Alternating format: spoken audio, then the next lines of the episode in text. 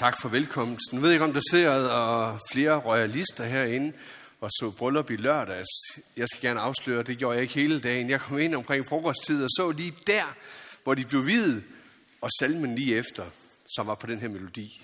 Så hvis nogen af jer har siddet og set den hele dagen, så har jeg i hvert fald hørt melodien allerede i, øh, i lørdags. Teksten, som vi har sunget nu her, forbinder jeg øh, særligt med, med en person i Bibelen, som, øh, som skal være et, et, et omdrejningspunkt for det emne, som ikke er så hemmeligt, jeg vil komme ind på i aften, som er omkring profeten øh, i Elias. Og det for snart en uge siden, jeg skrev til Ulrik, det var, at, øh, at vi skal på Karmel. Og øh, jeg har kaldt emnet en åndelig kampplads i et øh, sekulært samfund. Så vi skal både tilbage i tiden, og vi skal ind i vores tid. Og øh, det er måske nogle gange her, vi lever som kristne, med en øh, håndsrækning eller en fod tilbage også i en, en bibelsk verden. Og så også ind i den tid, der er vores, som vi, øh, vi lever i. Vi vil bede sammen igen. Ja, Jesus, vi beder dig om, at øh, du vil være vores liv, vores visdom, vores skjold og vores værn, også på den vandring, som er vores, i den tid, som er vores, i det, som kan udfordre, i det, som nogle gange kan gøre, at vi ikke ser dig som den, du er, i det, der kan skabe mismod. Midt ind i alt det, så øh, takker vi for, for at du er en uh, uforanderlig Gud. Og tak, at du har vist, hvordan du øh, handler til, til frelse. Tak, at det ikke er det, som kan se synligt ud for os, der altid reelt er det, der har magten her i verden. Vi beder dig om, at vi også denne aften, som alle andre aftener, når vi er sammen om dit ord, må høre det. Høre det til tro, høre det til at blive bevaret hos dig. Amen. Som sagt skal vi en, øh, en del år tilbage, snart 3.000 år tilbage, i øh, tiden, hvor profeten Elias han, øh, han levede. Det er faktisk ikke så lang tid, vi hører om øh, Elias, i hvert fald i forhold til hans livshistorie. Øh, vi får nogle, øh, nogle år præsenteret. Han kommer meget hurtigt ind på banen. Han er meget hurtigt ud igen blev taget til himmel, hvor hans øh, efterfølger Elisa kommer frem, som vi møder det sidst i, i første kongebog og begyndelsen af anden kongebog. Og så fylder Elisa faktisk meget mere. Elisa han øh, er en aktiv profet i en øh, 50-60 år. Elias han er der egentlig kun en kort tid, lidt som en bereder. Den her kort tid, hvor han er på banen, der øh, er det heller ikke det mest blide budskab, han kommer med, eller nogle af hans handlinger er heller ikke måske de mest kærlige, kunne man sådan umiddelbart synes. Vi hørte, at han øh, profeterer, at der kommer en hungersnød over øh, det, øh, det nordlige rige, hvor han øh, er øh, sat til at være profet i Israel. Og vi hører, at øh, Gud efter tre år siger, at nu skal han komme op til kong Akab igen, som kongen hedder. Akab var ikke just den, der sådan mest af alt efterfulgte Guds vilje. Det er der masser af eksempler på, jeg skal komme tilbage til øh, noget af det. Men det jeg faktisk vil begynde med at læse lidt som øh, en, en begyndelse ind i det her, finder vi i første kongebog i kapitel 18 fra vers 17. Og forhistorien er her til, at der er gået de her tre år efter en hungersnød. Vi har en mand ved, øh, ved hoffet, en der er sådan rimelig godt oppe i graderne, hofchefen Obadja. Og Obadja, han, øh, han lever nogle gange i en situation, som jeg tænker, at nogle kristne kan opleve sig i, også i vores samfund i dag. Især også, hvis man har nogle lidt høje betroede stillinger.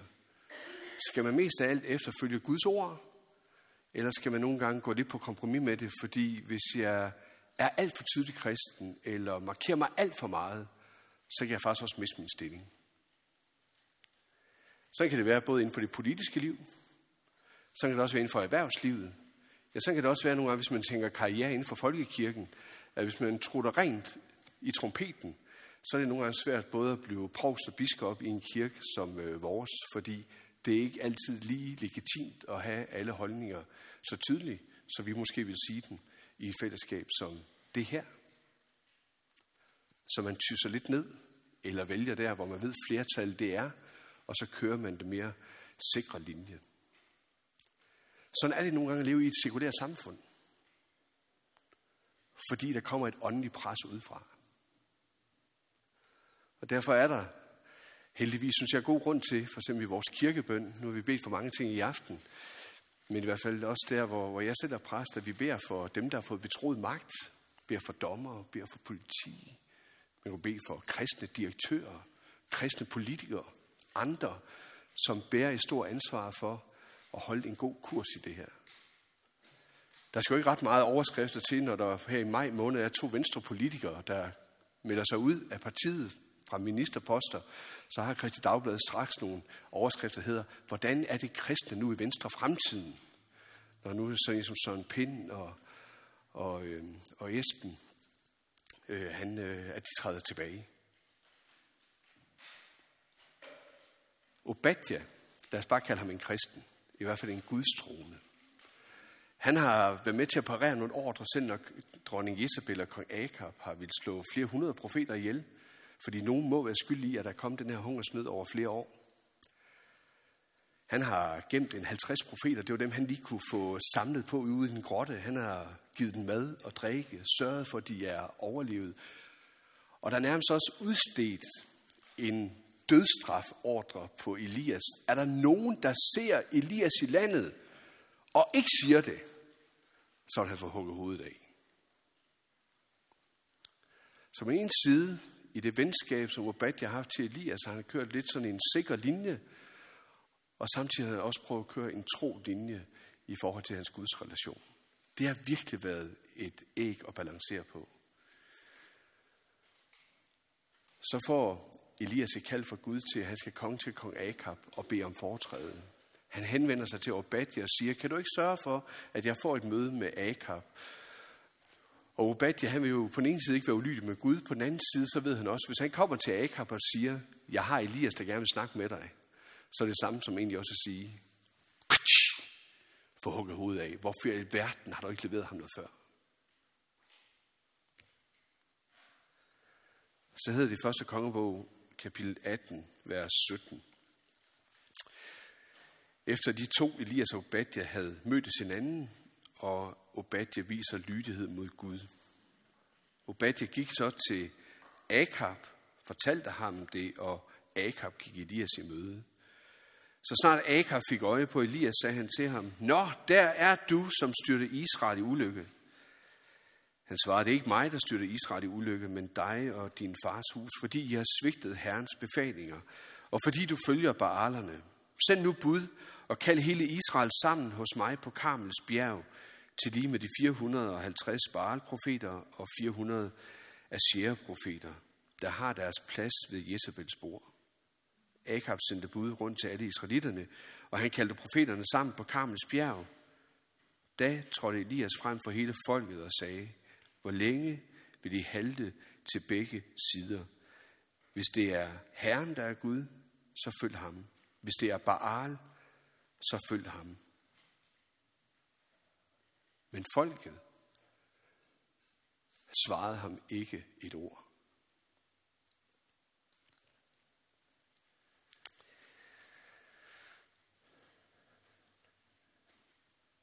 Hvis vi går en øh, 80 år længere tilbage i tiden, så øh, er vi omkring år 930.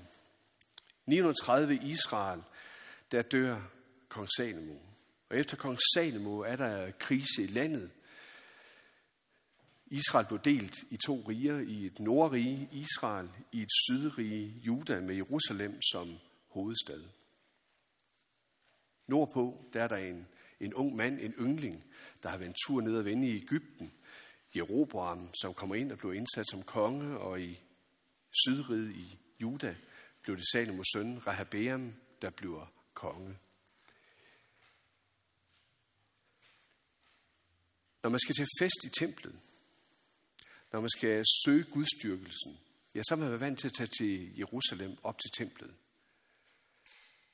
Det er også der, prægningen kommer fra. Det er der også nogle penge bliver lagt.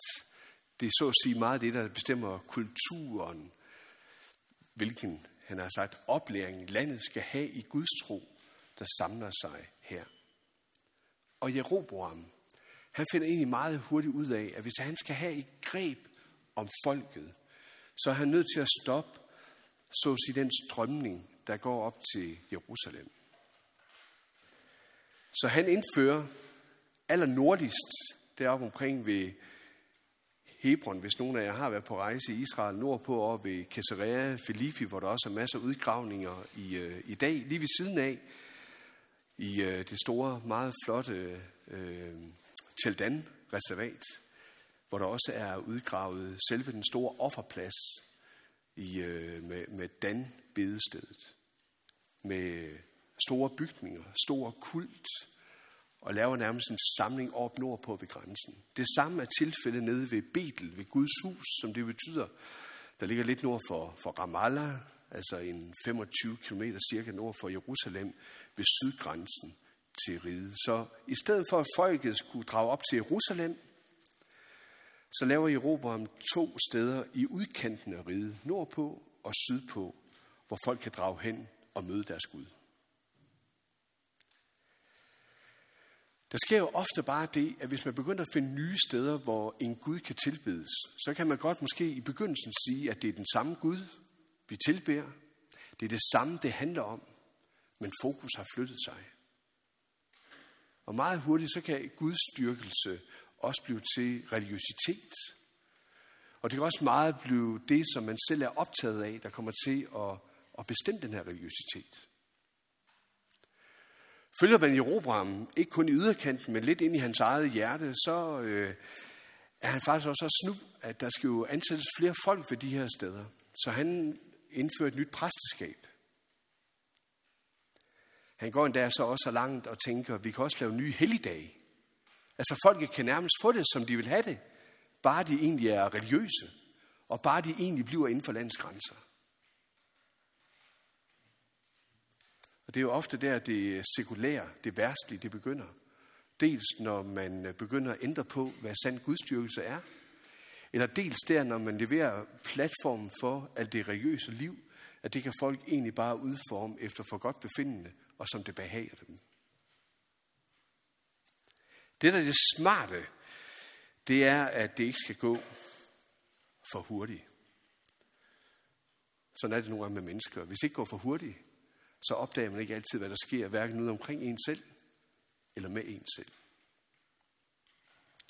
Udover de her to offertempler,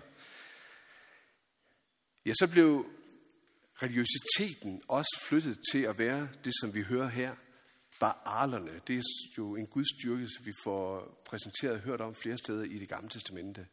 Baal betyder egentlig det, som vi kender også her i det nordiske. En tor, der kommer riden hen over himlen, som har styr på regn og frugtbarhed og afgrøde. Altså med et godt ord i dag, materialisme.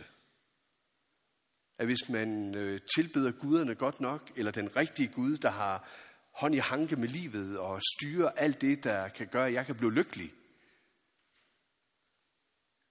så kan det også gå mig godt, rent materielt set. På alle mulige, også måske bare ikke kun de her hårdkogt materialisme ting, men egentlig alt det, der skaber lykke i mit liv. Og derfor begyndte man lige så stille ikke kun at dyrke Baal ved de her offerguds templer, men man flyttede egentlig også ud, for eksempel når man har haft øh, høstfester ude på marken. Ude på tærskepladsen, hvor det mest synlige var, at man har fået høsten godt i hus, det der skulle sikre ens rigdom, så holdt man også offermåltider der det, til Baal. Og en måde, man jo blandt andet kan vise på, at man er glad og taknemmelig, det er ved løsluppenhed, både når det gælder alkohol og når det gælder sex. Det er sådan set bare i vores tid, eller siden 68, at det har sat sig ind. Det havde man også allerede dengang, for det var en måde at vise stor taknemmelighed på, at man gjorde, hvad der behagede ganske løsluppen. Det var en måde at markere livet på, glæden, friheden, og at man så at sige var herre i sit eget liv. Men selvfølgelig sendte man takken opad, ikke mindst til Baal. Og for også at vise, at Baal havde styr på det, også når det galt kvinder, havde han også et kvindeligt modstykke af Shea, som ofte er symboliseret med stor frugtbarhed, med en stor barm og mange andre ting. Og hvorfor ikke gøre det så konkret, at man kunne lave sådan nogle små figurer, man kunne have til at stå på hylden hjemme i ens eget hjem. Nok vidste vi, at der var en Gud, Israels Gud og så videre. Ham har vi hørt om for lang tid siden og kender os til det, og det er også i orden, det er der, og det bliver sagt især af systemet. Men i mit eget hjem, i mit eget liv, har jeg min egen form for religiøsitet. I udgravningen i Israel, der har man fundet masser, også de her små figurer eller figuriner, som det er af Shera, øh, og har vist, hvor udbredt det har været. Så det her liv, der begynder at flytte sig ud til kanten, det begynder lige så stille også at snige sig ind i, øh, i folks liv. Nok i det ydre, men det er det, det der så at sige sætter dagsordenen ind bagved.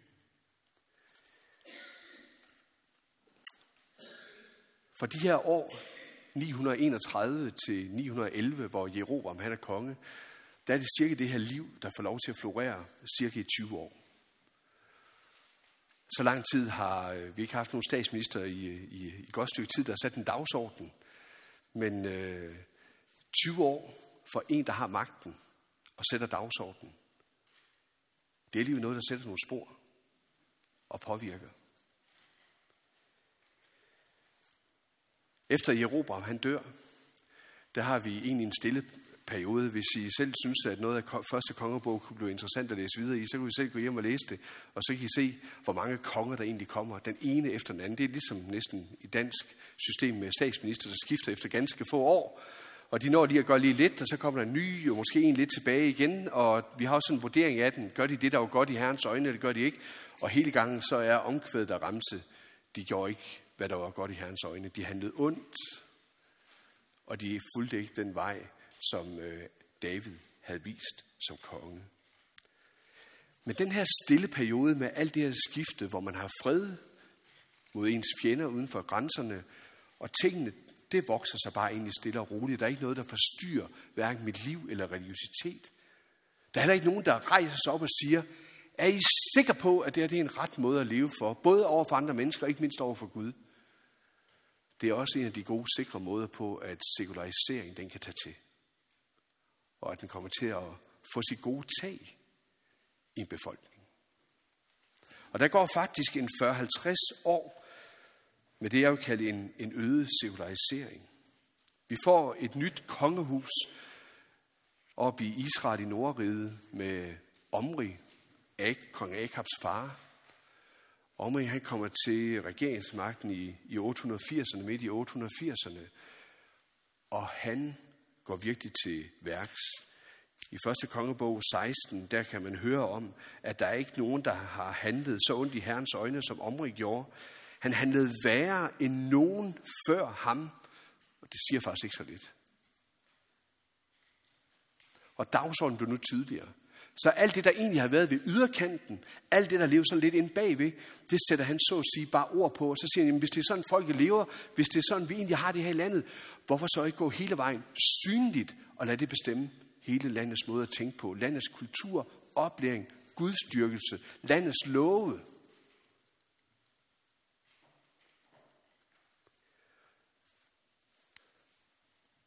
Efter Omri, han regerer i 10-12 år, kommer Akab så til magten der midt i 870'erne og regerer en, en 20 år. Og det er så i den her periode, hvor vi får Elias på banen. Hvis vi læser 1. kongebog kapitel 16 fra vers 30, så kan vi høre om Omri søn Akam. Han gjorde, hvad der var ondt i Herrens øjne, værre end nogen før ham, det vil sige, han overgår sin far.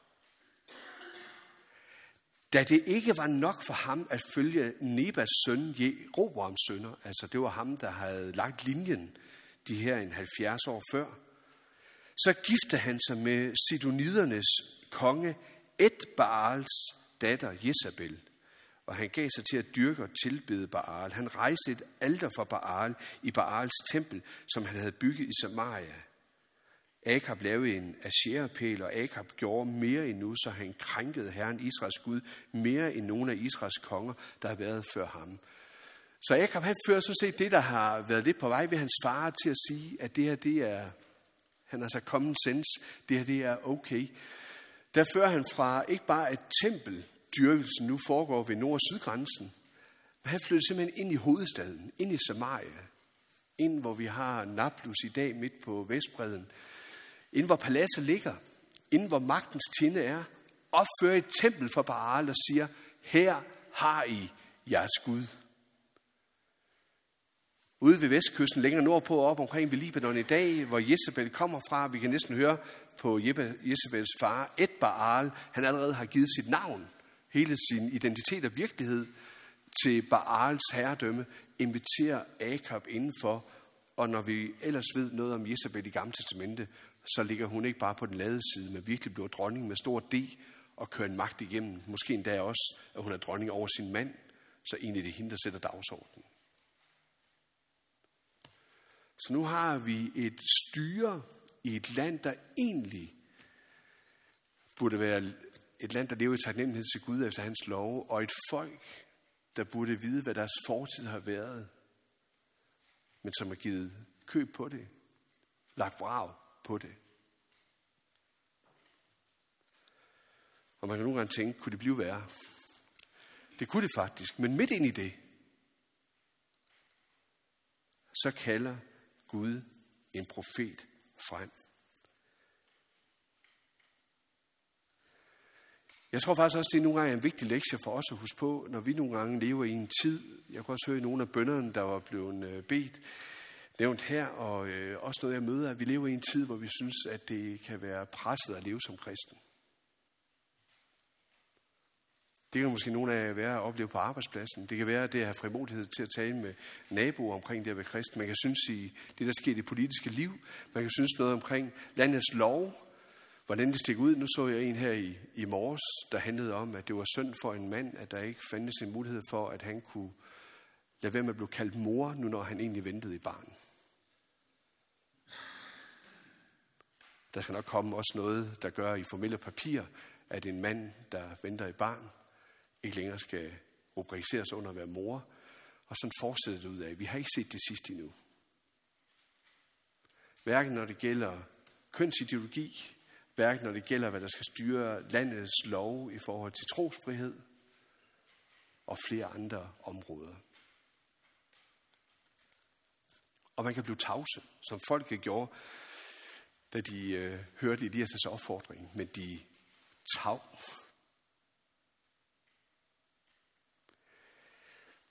Før Elias' tid, på Elias' tid, efter Elias' tid i Gamle Testamente, i Nye Testamente, i kirkens historie, i vores tid, så findes der, jeg har sagt, Guds tak og lov, virkelig eksempler på, at Gud han har måske nærmest ud af intet kaldet, givet en frimodighed til nogle mennesker, der har rejst op og sagt, det her, det er ikke sandt.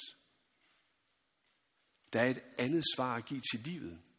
Der er et andet svar at give til mennesker, både om hvad livet handler om, hvem Gud han er, og hvad det er for et mål, vi har for øje, når det gælder det at tro på Gud.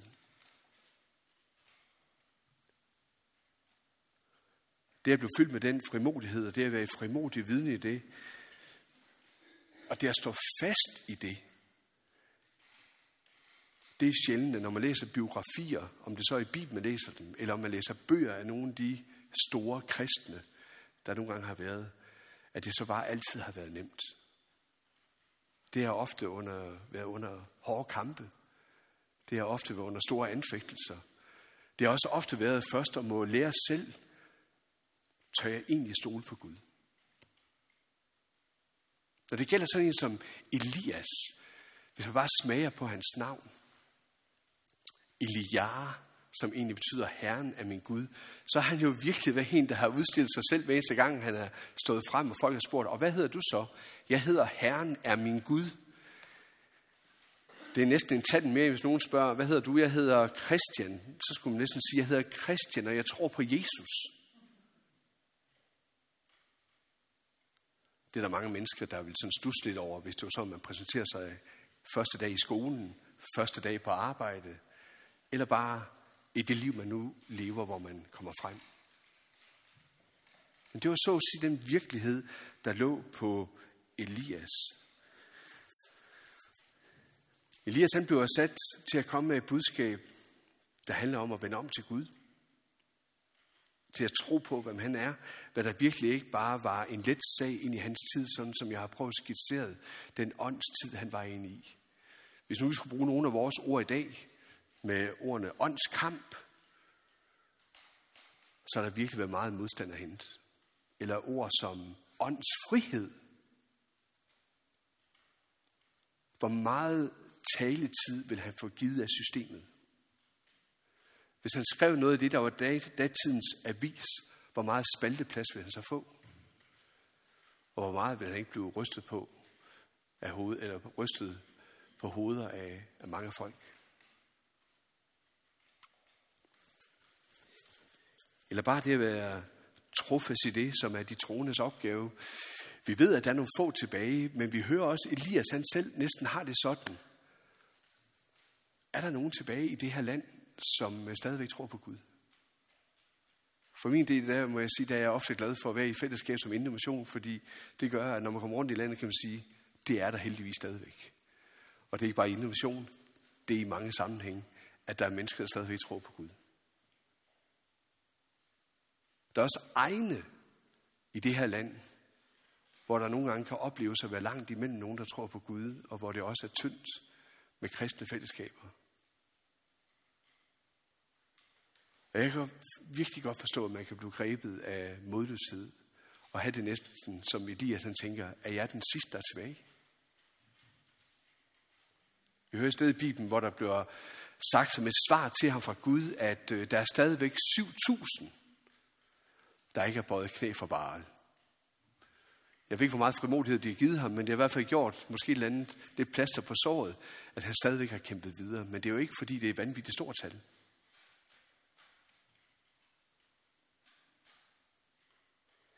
Elias han må selv opdrages og prøves på tillid og troskab og udholdenhed.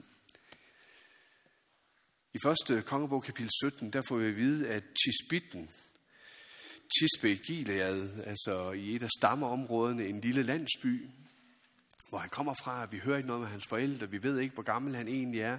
Vi ved ikke, hvilken uddannelse han har. Vi ved bare, at Tisbitten Elias kommer og siger til Akab, at der i disse år hverken skal falde duk eller regn, før jeg befaler det. Og vi hører så senere, at der går tre år, før det ændrer sig. Det er alt, hvad vi ved om Elias.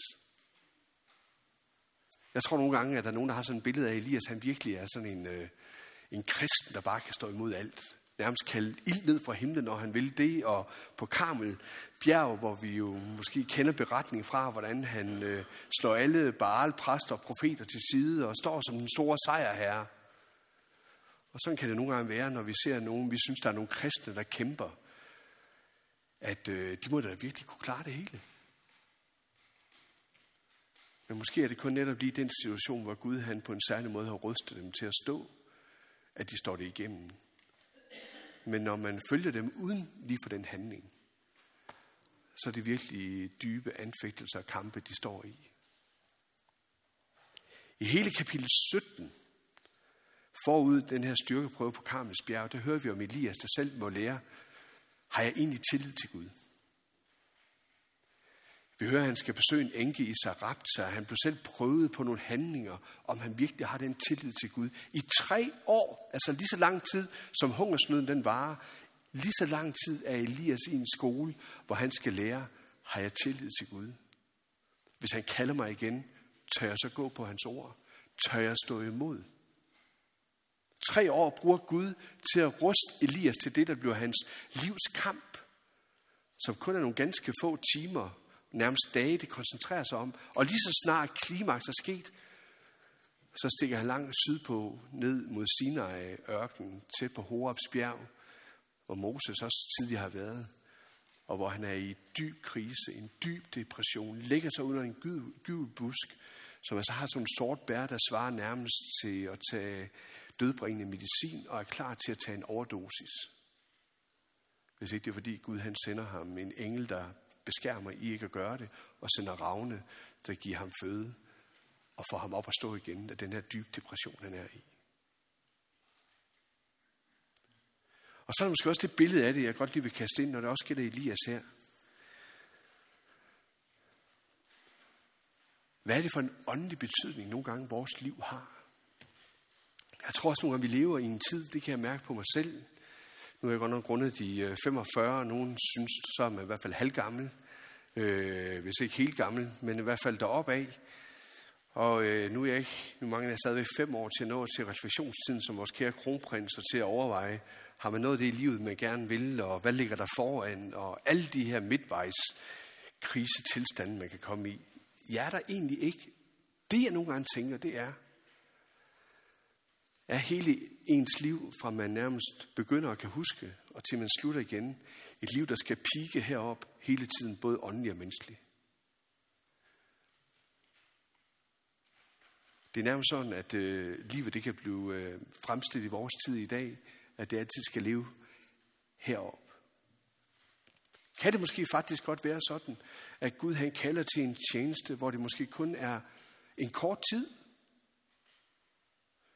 Det kan godt være, at han bruger et helt liv på at opdrage en til det. Og så bliver man betroet en tjeneste en kort tid. Så betyder ikke derefter, at ens liv ikke er noget. Men i det store billede, Gud han tegner for sit folk, der er det særligt det, han vil bruge en til. Jeg tænker nogle gange på min egen del, også den tjeneste, jeg står i, for eksempel i Indre Mission. Mit liv, det øh, handler egentlig ikke om at få mening i, at man er blevet kaldet til at være formand for, for Indre Mission. Men jeg tror, jeg har et kald i den tid, der blev min og tildelt der. Der er noget særligt Gud, han også har brugt mit liv indtil dag til at forme og danne mig, udruste mig til at stå den tjeneste. Når jeg en dag går ud af et hovedbestyrelsesmøde for sidste gang, så er mit liv ikke slut. Men det er faktisk ikke sikkert, at jeg skal stå i samme åndelige tjeneste bagefter. Det kan også være, at man faktisk har et kald til, at øh, ens børn er faktisk dem, som øh, Gud på en særlig måde vil komme til at bruge og kalde til at være redskaber, også i den tid, der bliver vores efter. Så mit livs store betydning, det er, at jeg faktisk kan være med til at give en kristen tro en opdragelse og en frimodighed videre til min søn og datter derhjemme. Så mit livs betydning egentlig ikke var det, jeg virkede, så at sige. Men det er særligt, Gud vil bruge dem til i deres tid. Jeg ved ikke, hvordan Elias' forældre har tænkt. Jeg ved heller ikke, hvordan Elias selv har tænkt over sit liv. Men jeg tror nogle gange, hvis vi tænker sådan åndeligt om vores eget liv, at det altid er nærmest at stå i forreste række, eller at det kun er lykkedes, hvis det på en særlig måde har vist en tydelighed, som andre har set, at det så er rigtigt, det tror jeg faktisk ikke skal være billedet. Men at Gud nogle gange over tid bruger former os, og på en særlig måde, en kort tid, tages i anvendelse, og vi så er villige til det kald, det tror jeg til gengæld også er vigtigt.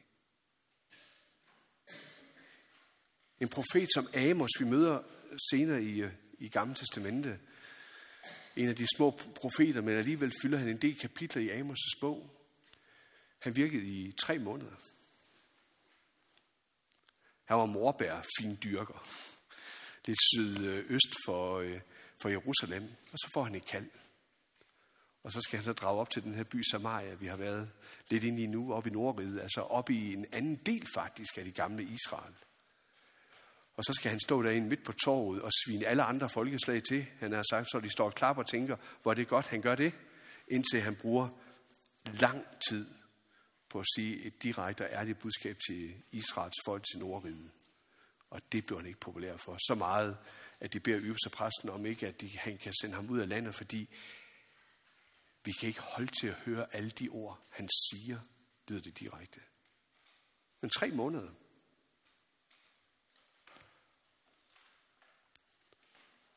Så er der også andre, der kommer til at stå i en livstidstjeneste en Elias, en Esajas, men vi har rigtig mange, der bare står i korttidstjeneste.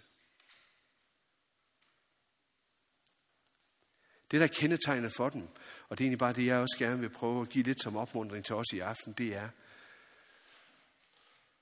at de havde en tillid til Gud. At de lærte at kunne øh, stå fast på det budskab, Gud han gav dem. Og at de var tro ind i den tid, som var deres.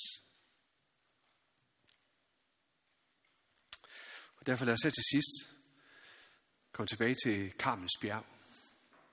I forhold til den tekst, jeg læste færdig, eller tidligere, hvor jeg stoppede med, at folket tav, så sker der noget resten af den her dag. De her flere hundrede af profeter og præster, Baal, præster, 850 i alt, de står jo der og hopper og danser for deres øh, offer, som de har lagt op på aldret. Venter på, at deres Gud skal reagere. Og det er jo sådan meget provokerende, det Elias egentlig siger, at øh, nu har I stået der og råbt lang tid. Måske skal I bare råbe højere, for det kan jo være, at han er faldet i søvn, jeres Gud. Og de begynder at snitte sig selv og gøre det ene og det andet, for nærmest at påkalde opmærksomhed. Hvad gør Elias? Han kigger rundt i folket, der står der. Også dem, som han måske ved, der vil følge ham. Og så beder han dem om at være med til at genopbygge Herrens alter. Det siger noget om, op på Karmels bjerg, der har der engang været et alter for Herren. Det var lagt til side, det lå i ruin. Og så beder han dem, som vil være med til at være tro over for Herrens ord, og være med til at bygge Herrens alter op igen. Og det er så på det alter, at Elias lægger sit brandoffer dyr. Det er på det alter, at der blev hældt vand ud i massevis. Og det er altså ikke, fordi man lige finder sådan vand lige op på toppen af Karmels bjerg, så man har virkelig også været nede ad siden, ned mod havet, og slæbt vand op for at overhælde dyret med masser af vand. Og hvor der så sker det under, da, Gud har, da Elias har bedt til Gud, at Gud sender en ild fra himlen ned og tænder offerdyret og slikker vandet af, både det, der er på alter og det, der ligger ved siden af. Og ingen er i tvivl om, hvem det er, der så at sige har vundet prøven den dag, hvis Gud det er, der er levende og virker. Men for mig er der en god åndelig pointe i, at Elias faktisk beder folket om, hvem vil være med til at genopbygge alteret for Herren. Jeg tror faktisk også, når vi lever i vores tid, og når vi nogle gange kan spejle efter, hvad er det, der kan ske i vores land, hvad er det, vi skal, så tror jeg, der er et, øh, man kan måske godt sige, at det er langsomt og sejt slid, men det er at genopbygge. Der var et af bedeemner, vi havde herover, der var at bede for om øh, flere børneklubledere. Altså næste generation. At der er flere børn i vores land, der lærer Gud at kende. Når man tænker på i 50'erne, at cirka en fjerdedel af den danske befolkning i en eller anden grad har været berøring med søndagsskole eller børneklub her i Danmark. Og vi så tænker her 70 år efter, hvor lav procentgrad det er af den danske befolkning. Den naturlighed, mange danskere har haft med at vide bare lidt om Bibelen, bare lidt om kirke, bare lidt om det kristne, den er forsvundet ud, og det kan vi godt sidde tilbage og sige, hvor er det ærgerligt. Men det kan også give en genopbygning. For mig ser det noget af det, der er Indre opgave de her år. Og på den måde, der tror jeg faktisk, at vækkelse, at det kan komme nedfra. fra det er faktisk også noget af det, jeg oplever hos sådan en som Elias efter, at så at sige, kampen den er vundet, og han slagter en masse det har virkelig været blodbad deroppe den dag af profeter og præster. Og egentlig en forvarsel om, at Gud han holder dom. Det er et billede, vi finder hen sidst i Bibelen, i Johannes Umbaring, kapitel 19 og 20. Det samme billede, der blev hentet herfra, hvad der sker, når Gud han holder dom over ugudelighed. Altså bliver de fjernet fra hans ansigt. Men det er faktisk ikke sådan, at Elias han hoverer. Han smutter foran Akab, ned mod Samaria, kommer faktisk før, øh, nej undskyld, det er først bagefter. Efter den her prøve går han ud mod, øh, mod toppen af Karmelsbjerget. Jeg ved ikke, om nogen af jer på jeres tur rundt i, øh, Israel har været i Haifa. Og på Stella Maris, jeg blev altid glad, når jeg så det skilt der. Også dengang vi havde stillet meget i mission, så følte man sig sådan halvvejs hjemme der. Men øh, havets stjerne, der lå derovre, hvor man kunne stå op på den nordvestlige spids af Karmelsbjerget, der stak ud mod havet. Og nede af siden findes der også det, der i dag kaldes Elias' grotte, hvor vi ved, at Elias han er holdt til, og hvor han helt sikkert herefter har siddet og bedt, og hvor han sender sine tjener op på toppen af bjerget for at spejde ud over havet. Hvornår kommer der en, bare en sky på himlen, så der kom regn efter den her treårige tørkeperiode. Og han sender dem op flere dage, og efter syv dage, så kommer tjener sig ned og siger, jeg ser en lille sky ud i det fjerne. Og så ved Elias, at nu er der noget på vej.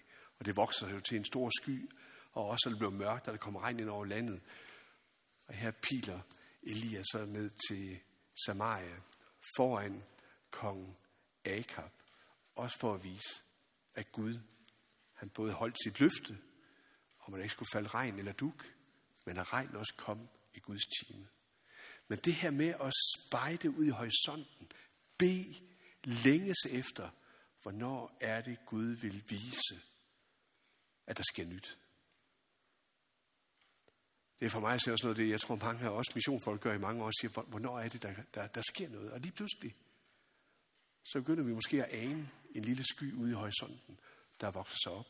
Og det kan også ske, at jeg er en naiv missionsmand, men jeg tror faktisk på, at der også kommer flere til tro her i vores land i dag. Jeg oplever faktisk også inden mission, at der er flere, der faktisk finder en vej. Det kan også ske, at det ikke er tal, hvor vi siger, at det er en hel by. Men der sker faktisk mange. I den menighed, hvor jeg selv er præst, oplever vi flere og flere, der kommer til, os der bliver medlemmer, som ikke er nogen, der er opvokset i kristen sammenhæng, men så kom til os som, som voksne. Så sent i eftermiddag har jeg haft en, øh, en, der blev medlem, en mand på min egen alder, som et halvt liv siden kom til øh, tro på Gud, og som stadig har svært ved at finde vej ind i noget der. Men når jeg hørte hans historie, tænkte jeg bare, hvor er Gud forunderlig.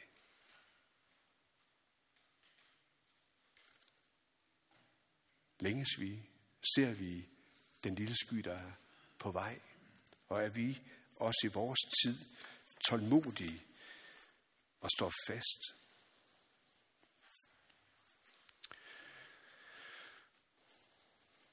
Så når jeg har kaldt emnet her for i aften, Karmel, en åndelig kampplads i et sekulært samfund, så er det egentlig for at bringe jer den hilsen og sige, at der foregår en åndelig kamp.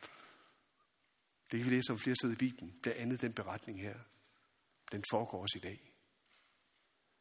Og det at være i en sekulær tid, i et sekulært samfund, hvor værtsligheden trænger sig ind alle vegne, det er heller ikke en ny situation.